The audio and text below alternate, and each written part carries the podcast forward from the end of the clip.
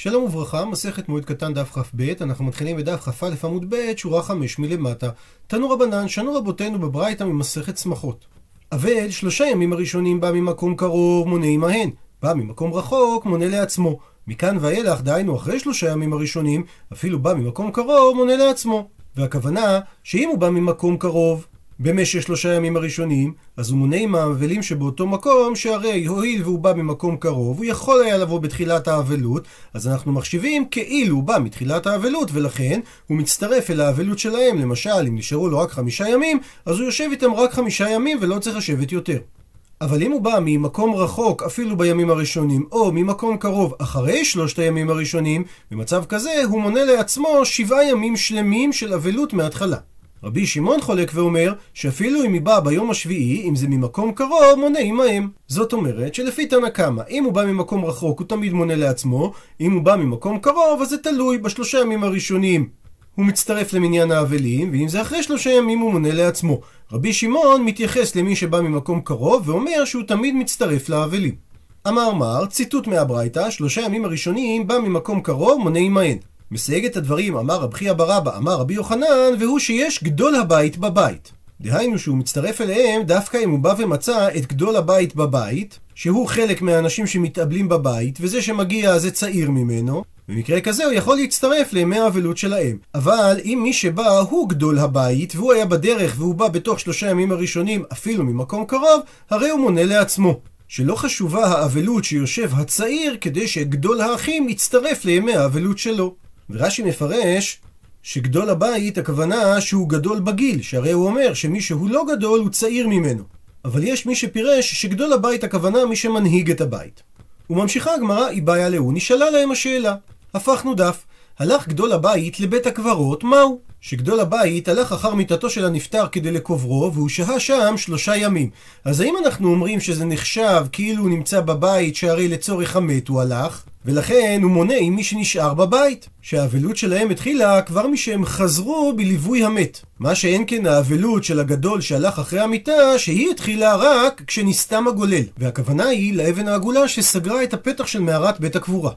אז האם אנחנו אומרים שאותו גדול הבית מונה לעצמו את ימי האבלות, או שאנחנו אומרים שכיוון שהוא היה טרוד בענייני המת, והוא שמע על הפטירה בדיוק כמו ששאר בני הבית שמעו על הפטירה, אז אולי ימי האבלות שלו יהיו יחד עם ימי האבלות של בני הבית. עונה הגמרא תשמע, בו שמע הוכחה, דאמר רב חייא בר אבא אמר רבי יוחנן, אפילו הלך גדול הבית לבית הקברות, מונה עמהן. ומקשה על כך הגמרא, מונה עמהם, והתניא, והרי שנינו בברייתא, מונה לעצמו. עונה הגמרא, לא קשיא, הדעתא בגות לטא, רבי יוחנן שאמר מונה עמהם, זה במקרה שהוא בא בתוך שלושת הימים הראשונים של האבל, וה, והברייתא שאמרה שהוא מונה לעצמו, היא מדברת דלא עתה בגות לטא, שהוא לא בא בתוך שלושת הימים הראשונים.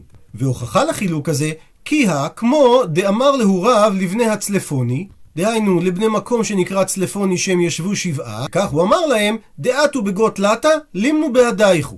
מי שמגיע בשלושת הימים הראשונים של האבל, שיצטרף לספירת ימי האבל שלכם, ומי דלא עטו בגות לטה, שלא מגיע בשלושת ימי האבל הראשונים, לימנו לנפשיו, שימנו את ימי האבל לעצמם. ובאותו עניין אמר להוריו על לבני מחוזה.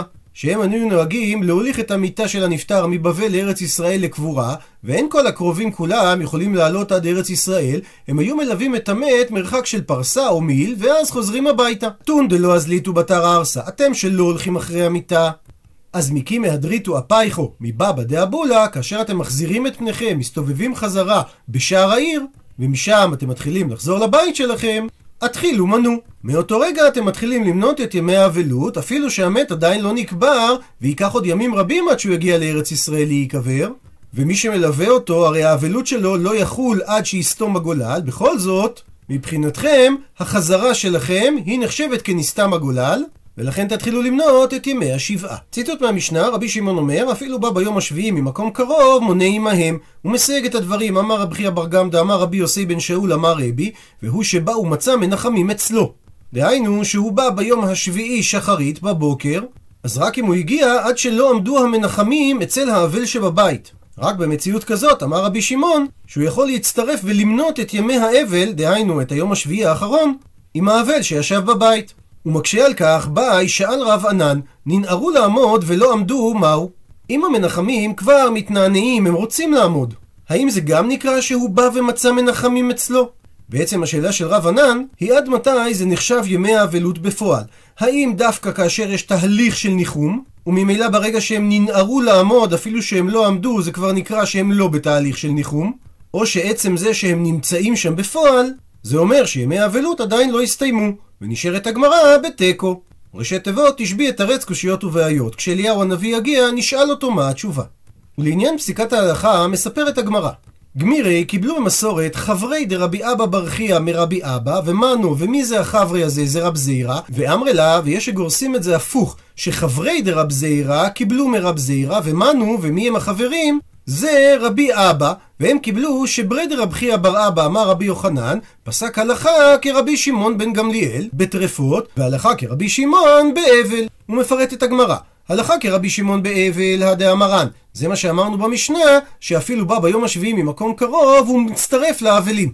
ומה שאמר הלכה כרשב"ג בטרפות, דתנן, שכך שנינו במסכת חולין, בני מעיים שנקבו ולכה סותמתן, כשרה, דברי רשב"ג. ושואלת הגמרא, מהי לך? מה זה הלכה שאם היא סותמת את הנקב שיש בבני המעיים, הבהמה כשרה לאכילה? אמר רב כהנא, שירקא דמאיה, הלכה שנמצאת במעיים, דנפיק אגב דוחקה. שאם נדחוק סכין במעיים, נוכל לגרד אותה משם.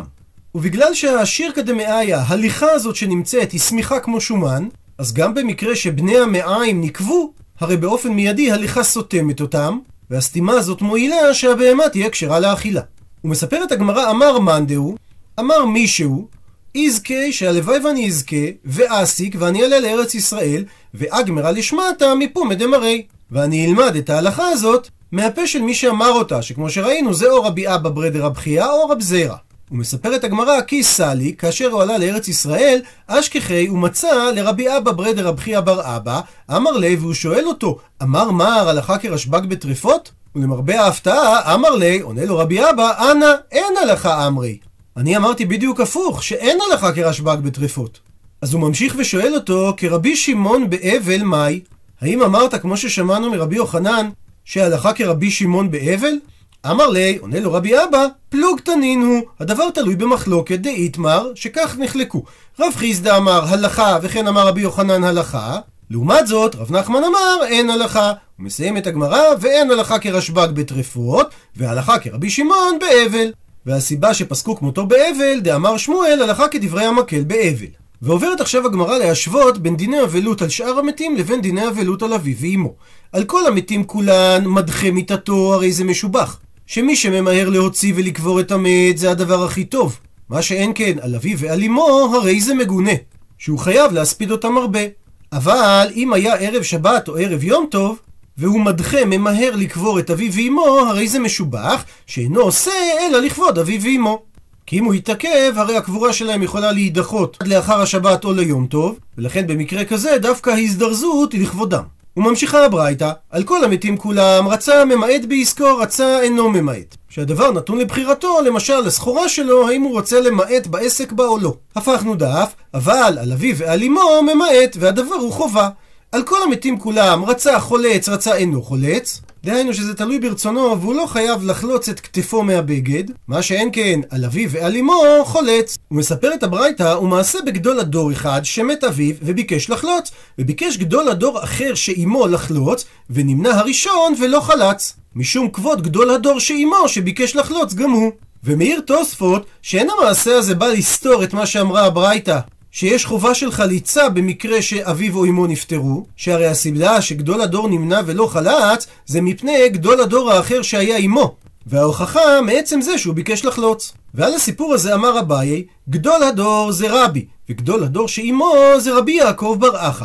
ואיכא דאמרי, ויש שגורסים בדברי אביי, שגדול הדור זה רבי יעקב בר אחא, וגדול הדור שאימו זה רבי. ומקשה על כך הגמרא, בישלמה נוח לי להבין למאן דאמר שגדול הדור שאימו זה רבי, היינו, אז זה הסיבה שרבי יעקב ברכה דנמנע ולא חלץ. כי הוא חס על כבודו של רבי, אלא למאן דאמר, אבל לפי הגרסה שאומרת שרבי יעקב בר אחא הוא היה הגדול שאימו, אז עמי מדוע נמנע ולא חלץ רבי?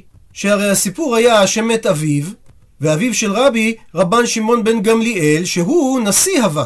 הוא היה הנשיא, והרי הדין הוא שכשהנשיא נפטר, וכולי עלמא מחי ולמיחלץ. שכל הציבור מחויבים בחליצת הכתף, ואם כך גם אותו גדול הדור, שהוא רבי יעקב ברכה, היה אמור לחלוץ, אכן נשארת הגמרא בקשיא על הגרסה הראשונה בדברי אביי. ומביאה הגמרא את המשך הברייתא. על כל המתים כולן מסתפר לאחר שלושים יום, על אביו ועל אמו הוא לא יכול להסתפר עד שיגערו בו חבריו. שכאשר הם גוערים בו שכבר השיער שלו גדל פרע יותר מדי, הרי זה סימן שכבר מותר לו להסתפר. ממשיכה הברייתא, על כל המתים כולם נכנס לבית השמחה לאחר שלושים יום, על אביו ועל אמו מותר לו להיכנס לבית השמחה רק לאחר י"ב חודש. ואמר על כך רבא בר בר חנה ולשמחת מרעות. שמה ששנינו בברייתא, שעל כל המתים כולם מותר להיכנס לבית המשתה אחרי 30 יום, מדובר דווקא על שמחת מרעות, שזה סעודה שעושים הרעים ואהובים זה עם זה, שזה לא שמחה כל כך גדולה. מה שאין כן שמחה גדולה כמו שמחת נישואים, שגם באבלות על שאר המתים שהם לא אביו ואמו, אסור להיכנס אליה.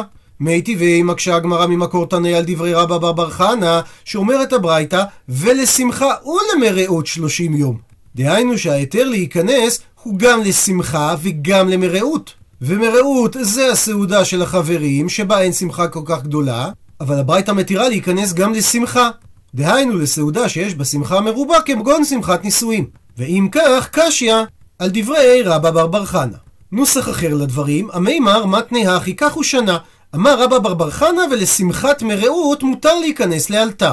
דהיינו באופן מיידי. מקשה הגמרא והתניא, והרי שנינו בברייתא, לשמחה שלושים ולמרעות שלושים. אז אם כך, גם לשמחת מרעות אסור להיכנס עד שעוברים שלושים ימי האבלות. מתרצת הגמרא לא קשיא, הא באריסותא, הא בפורענותא. מסביר רש"י שישנם שני סוגים של סעודת מרעים. יש סעודה שהיא באריסותא, זאת אומרת שאחד מהמרעים מתחיל לעשות סעודה, ובעצם הוא מלווה לכולם כדי שיעשו גם הם כל אחד בזמנו. אז לסעודה כזאת אסור לה ולהיכנס עד לאחר 30 יום. אבל יש סעודה שנקראת פורענותא, שכל אחד מהחברים משלם על כל אחת מהסעודות. אז לסעודה כזאת מותר לו להיכנס לאלתר, כי הוא לא יכול שלא לשלם, כמובן בהסתייגות שאמרנו, שזה לא מדבר על אבלות של אביו ואמו, שזה מותר רק לאחר י"ב חודש. וממשיכה הברייתא, על כל המתים כולם קורע טפח, על אביו ועל אמו הוא קורע עד שיגלה את ליבו. על כך אמר רבי אבאו, מה יקרא? מהו הפסוק שמוכיח שקריאה זה דווקא טפח,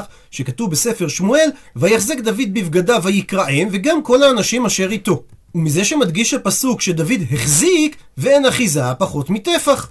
הרי זה אומר שהקריאה היא בשיעור האחיזה, וממילא הקריאה היא בשיעור של טפח. וממשיכה הברייתא, על כל המתים כולם, אפילו לבוש עשרה חלוקים אינו קורע אל העליון, על אביו ועל אמו קורע את כולם. למעט, ואפרכסותו אינה מעכבת. שאותו סודר שעל ראשו שלפעמים יורד על כתפיו, אז הקריאה שלו אינה מעכבת, זאת אומרת הוא לא צריך לקרוע אותה. כי חובת הקריאה היא רק על הלבושים. והדין הזה שווה אחד האיש ואחד אישה. רבי שמעון בן אלעזר אומר שיש הבדל טכני אם איש קורע על הוריו או אישה קורעת על הוריה. שהאישה קורעת את התחתון ומחזירתו לאחוריה, וחוזרת וקורעת את העליון. דהיינו שהיא קורעת קודם את החלוק התחתון משום צניעות, ואז היא מחזרת את הקרע לאחוריה, ורק אחר כך היא חוזרת וקורעת את המלבוש העליון, כך שהמלבוש התחתון מכסה את ליבה. וממשיכה הברייתא, על כל המתים כולם רצה מבדיל כמי שפה שלו, רצה אינו מבדיל. בבגד העליון יש את הפתח של בית הצוואר.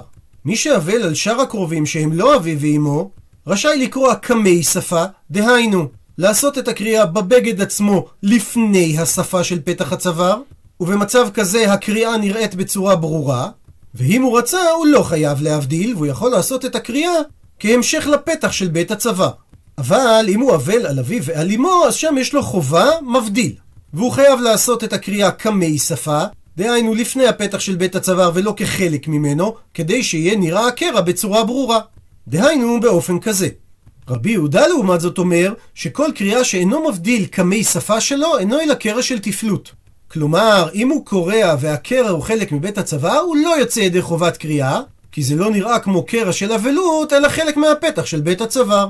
ואמר על כך רבי אבאו, מה איתמה דרבי יהודה, דכתיב, כאשר אליהו עולה בסערה השמיימה, כתוב, ואלישע רואה, והוא מצעק, אבי אבי, רכב ישראל ופרשיו, ולא ראהו עוד, ויחזק בבגדיו, ויקראם לשניים קרעים. ומדייק רבי אבאו, ממשמע שנאמר ויקראם, איני יודע שהם לשניים, אלא שנראים קרועים כשניים. דהיינו משמעות קריאה זה דווקא אם נראים כשניים, ולכן יש חובה להבדיל שהקרע נמצא לפני השפה של בית הצוואר, והפתח של בית הצוואר נראה כקרע אחר.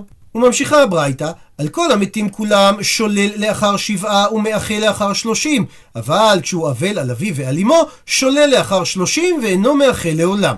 ובלעזר רש"י הוא מסביר ששולל זה להחליב, ומאחה זה תופר כדרכו. וכבר למדנו שלהחליף זה לתפור בתפרים גסים וזמניים, מה שאין כן תפירה רגילה שמאחה את הבגד ומכשירה אותו לשימוש רגיל. ואומרת הברייתא, והאישה שוללתו לאלתר, דהיינו באופן מיידי, גם אם האבלות היא הלא רע, מפני כבודה. ומספרת הגמרא כי עתה כשבא מארץ ישראל רבין, הוא אמר בשם, אמר רבי יוחנן, שעל כל המתים רצה קורע ביד, רצה קורע בכלי, אבל כאשר הוא קורע על אביו ועל אמו זה דווקא ביד. והסיבה שקורע בכלי, שזה סכין, כדי שלא יפסיד את הבגד. מה שאין כן כאשר עושים את הקריאה ביד, הרי הקרע הוא קרע גס יותר ומפסיד את הבגד. ואמר רבי רבא, אמר רבי יוחנן, על כל המתים כולם הקרע מבפנים, על אביו ועל אמו קורע מבחוץ. מסביר רש"י, קורע מבפנים זה תחת המקטורן שלו, שאינו קורע בחוץ לעיני הכל. מה שאין כן בקריאה להורים, שחייבים לקרוע את הבגד החיצון. ועל כך אמר רב חיסדא, וכן לנשיא. שאם נשיא מת, הרי הדין שקורע מבחוץ. רק שהגמרא מתי וקושייה ממקור תנאי על דברי רב חיסדא, שאומרת הברייתא, לא הושבו לאביו ולאמו, אלא לאיחוי בלבד. שאם נפטרו רבו או אב בית דין או נשיא, או כל שאר האנשים שהברייתא אמרה, הם לא הושבו בדיני אבלות לאביו ולאמו, אלא רק לעניין איחוי הקרע. דהיינו, שלא מאחים את הקרע לעולם. אבל הם לא הושבו לאביו ולאמו לגבי קריאה מבחוץ. ומדייקת הגמרא, מה אליו אפילו לנשיא? האם דברי הברייתא לא מתייחסים אפילו לעניין קרע על נשיא? ואם כך זה סותר את מה שאמר רב חיסדא וכן לנשיא. דוחה הגמרא לא, מה שאמרה הברייתא לא הושבו, היא התכוונה לבר מנשיא. דהיינו חוץ מנשיא, שגם עליו קורע מבחוץ, כמו שאמר רב חיסדא. מספרת הגמרא, נשיא השכיב היה נשיא שנפטר, אמר לרב חיסדא, לרב נחמן בר עמי, כך היא גרסת מסורת הש"ס, כאפי עשית וקום עלה, תהפוך את המכתשת ותעמוד עליה, ככה שתהיה במקום גבוה וכולם יוכלו לראות, ואח ויקריאה לעלמא, ותדגים לכולם כיצד קוראים על נשיא. הוא מסיים את הברייתא, על חכם חולץ מימין, עליו בית דין חולץ משמאל, על נשיא חולץ מכאן ומכאן. דהיינו, יש דרגות של אבלות כאשר חולצים כתף. על חכם שמורה הלכה חולצים מימין, על דרגה יותר גבוהה שזה אב בית דין חולצים משמאל, ועל הדרגה הגבוהה ביותר שזה הנשיא חולצים את שתי הכתפיים. עד לכאן דף כ"ב.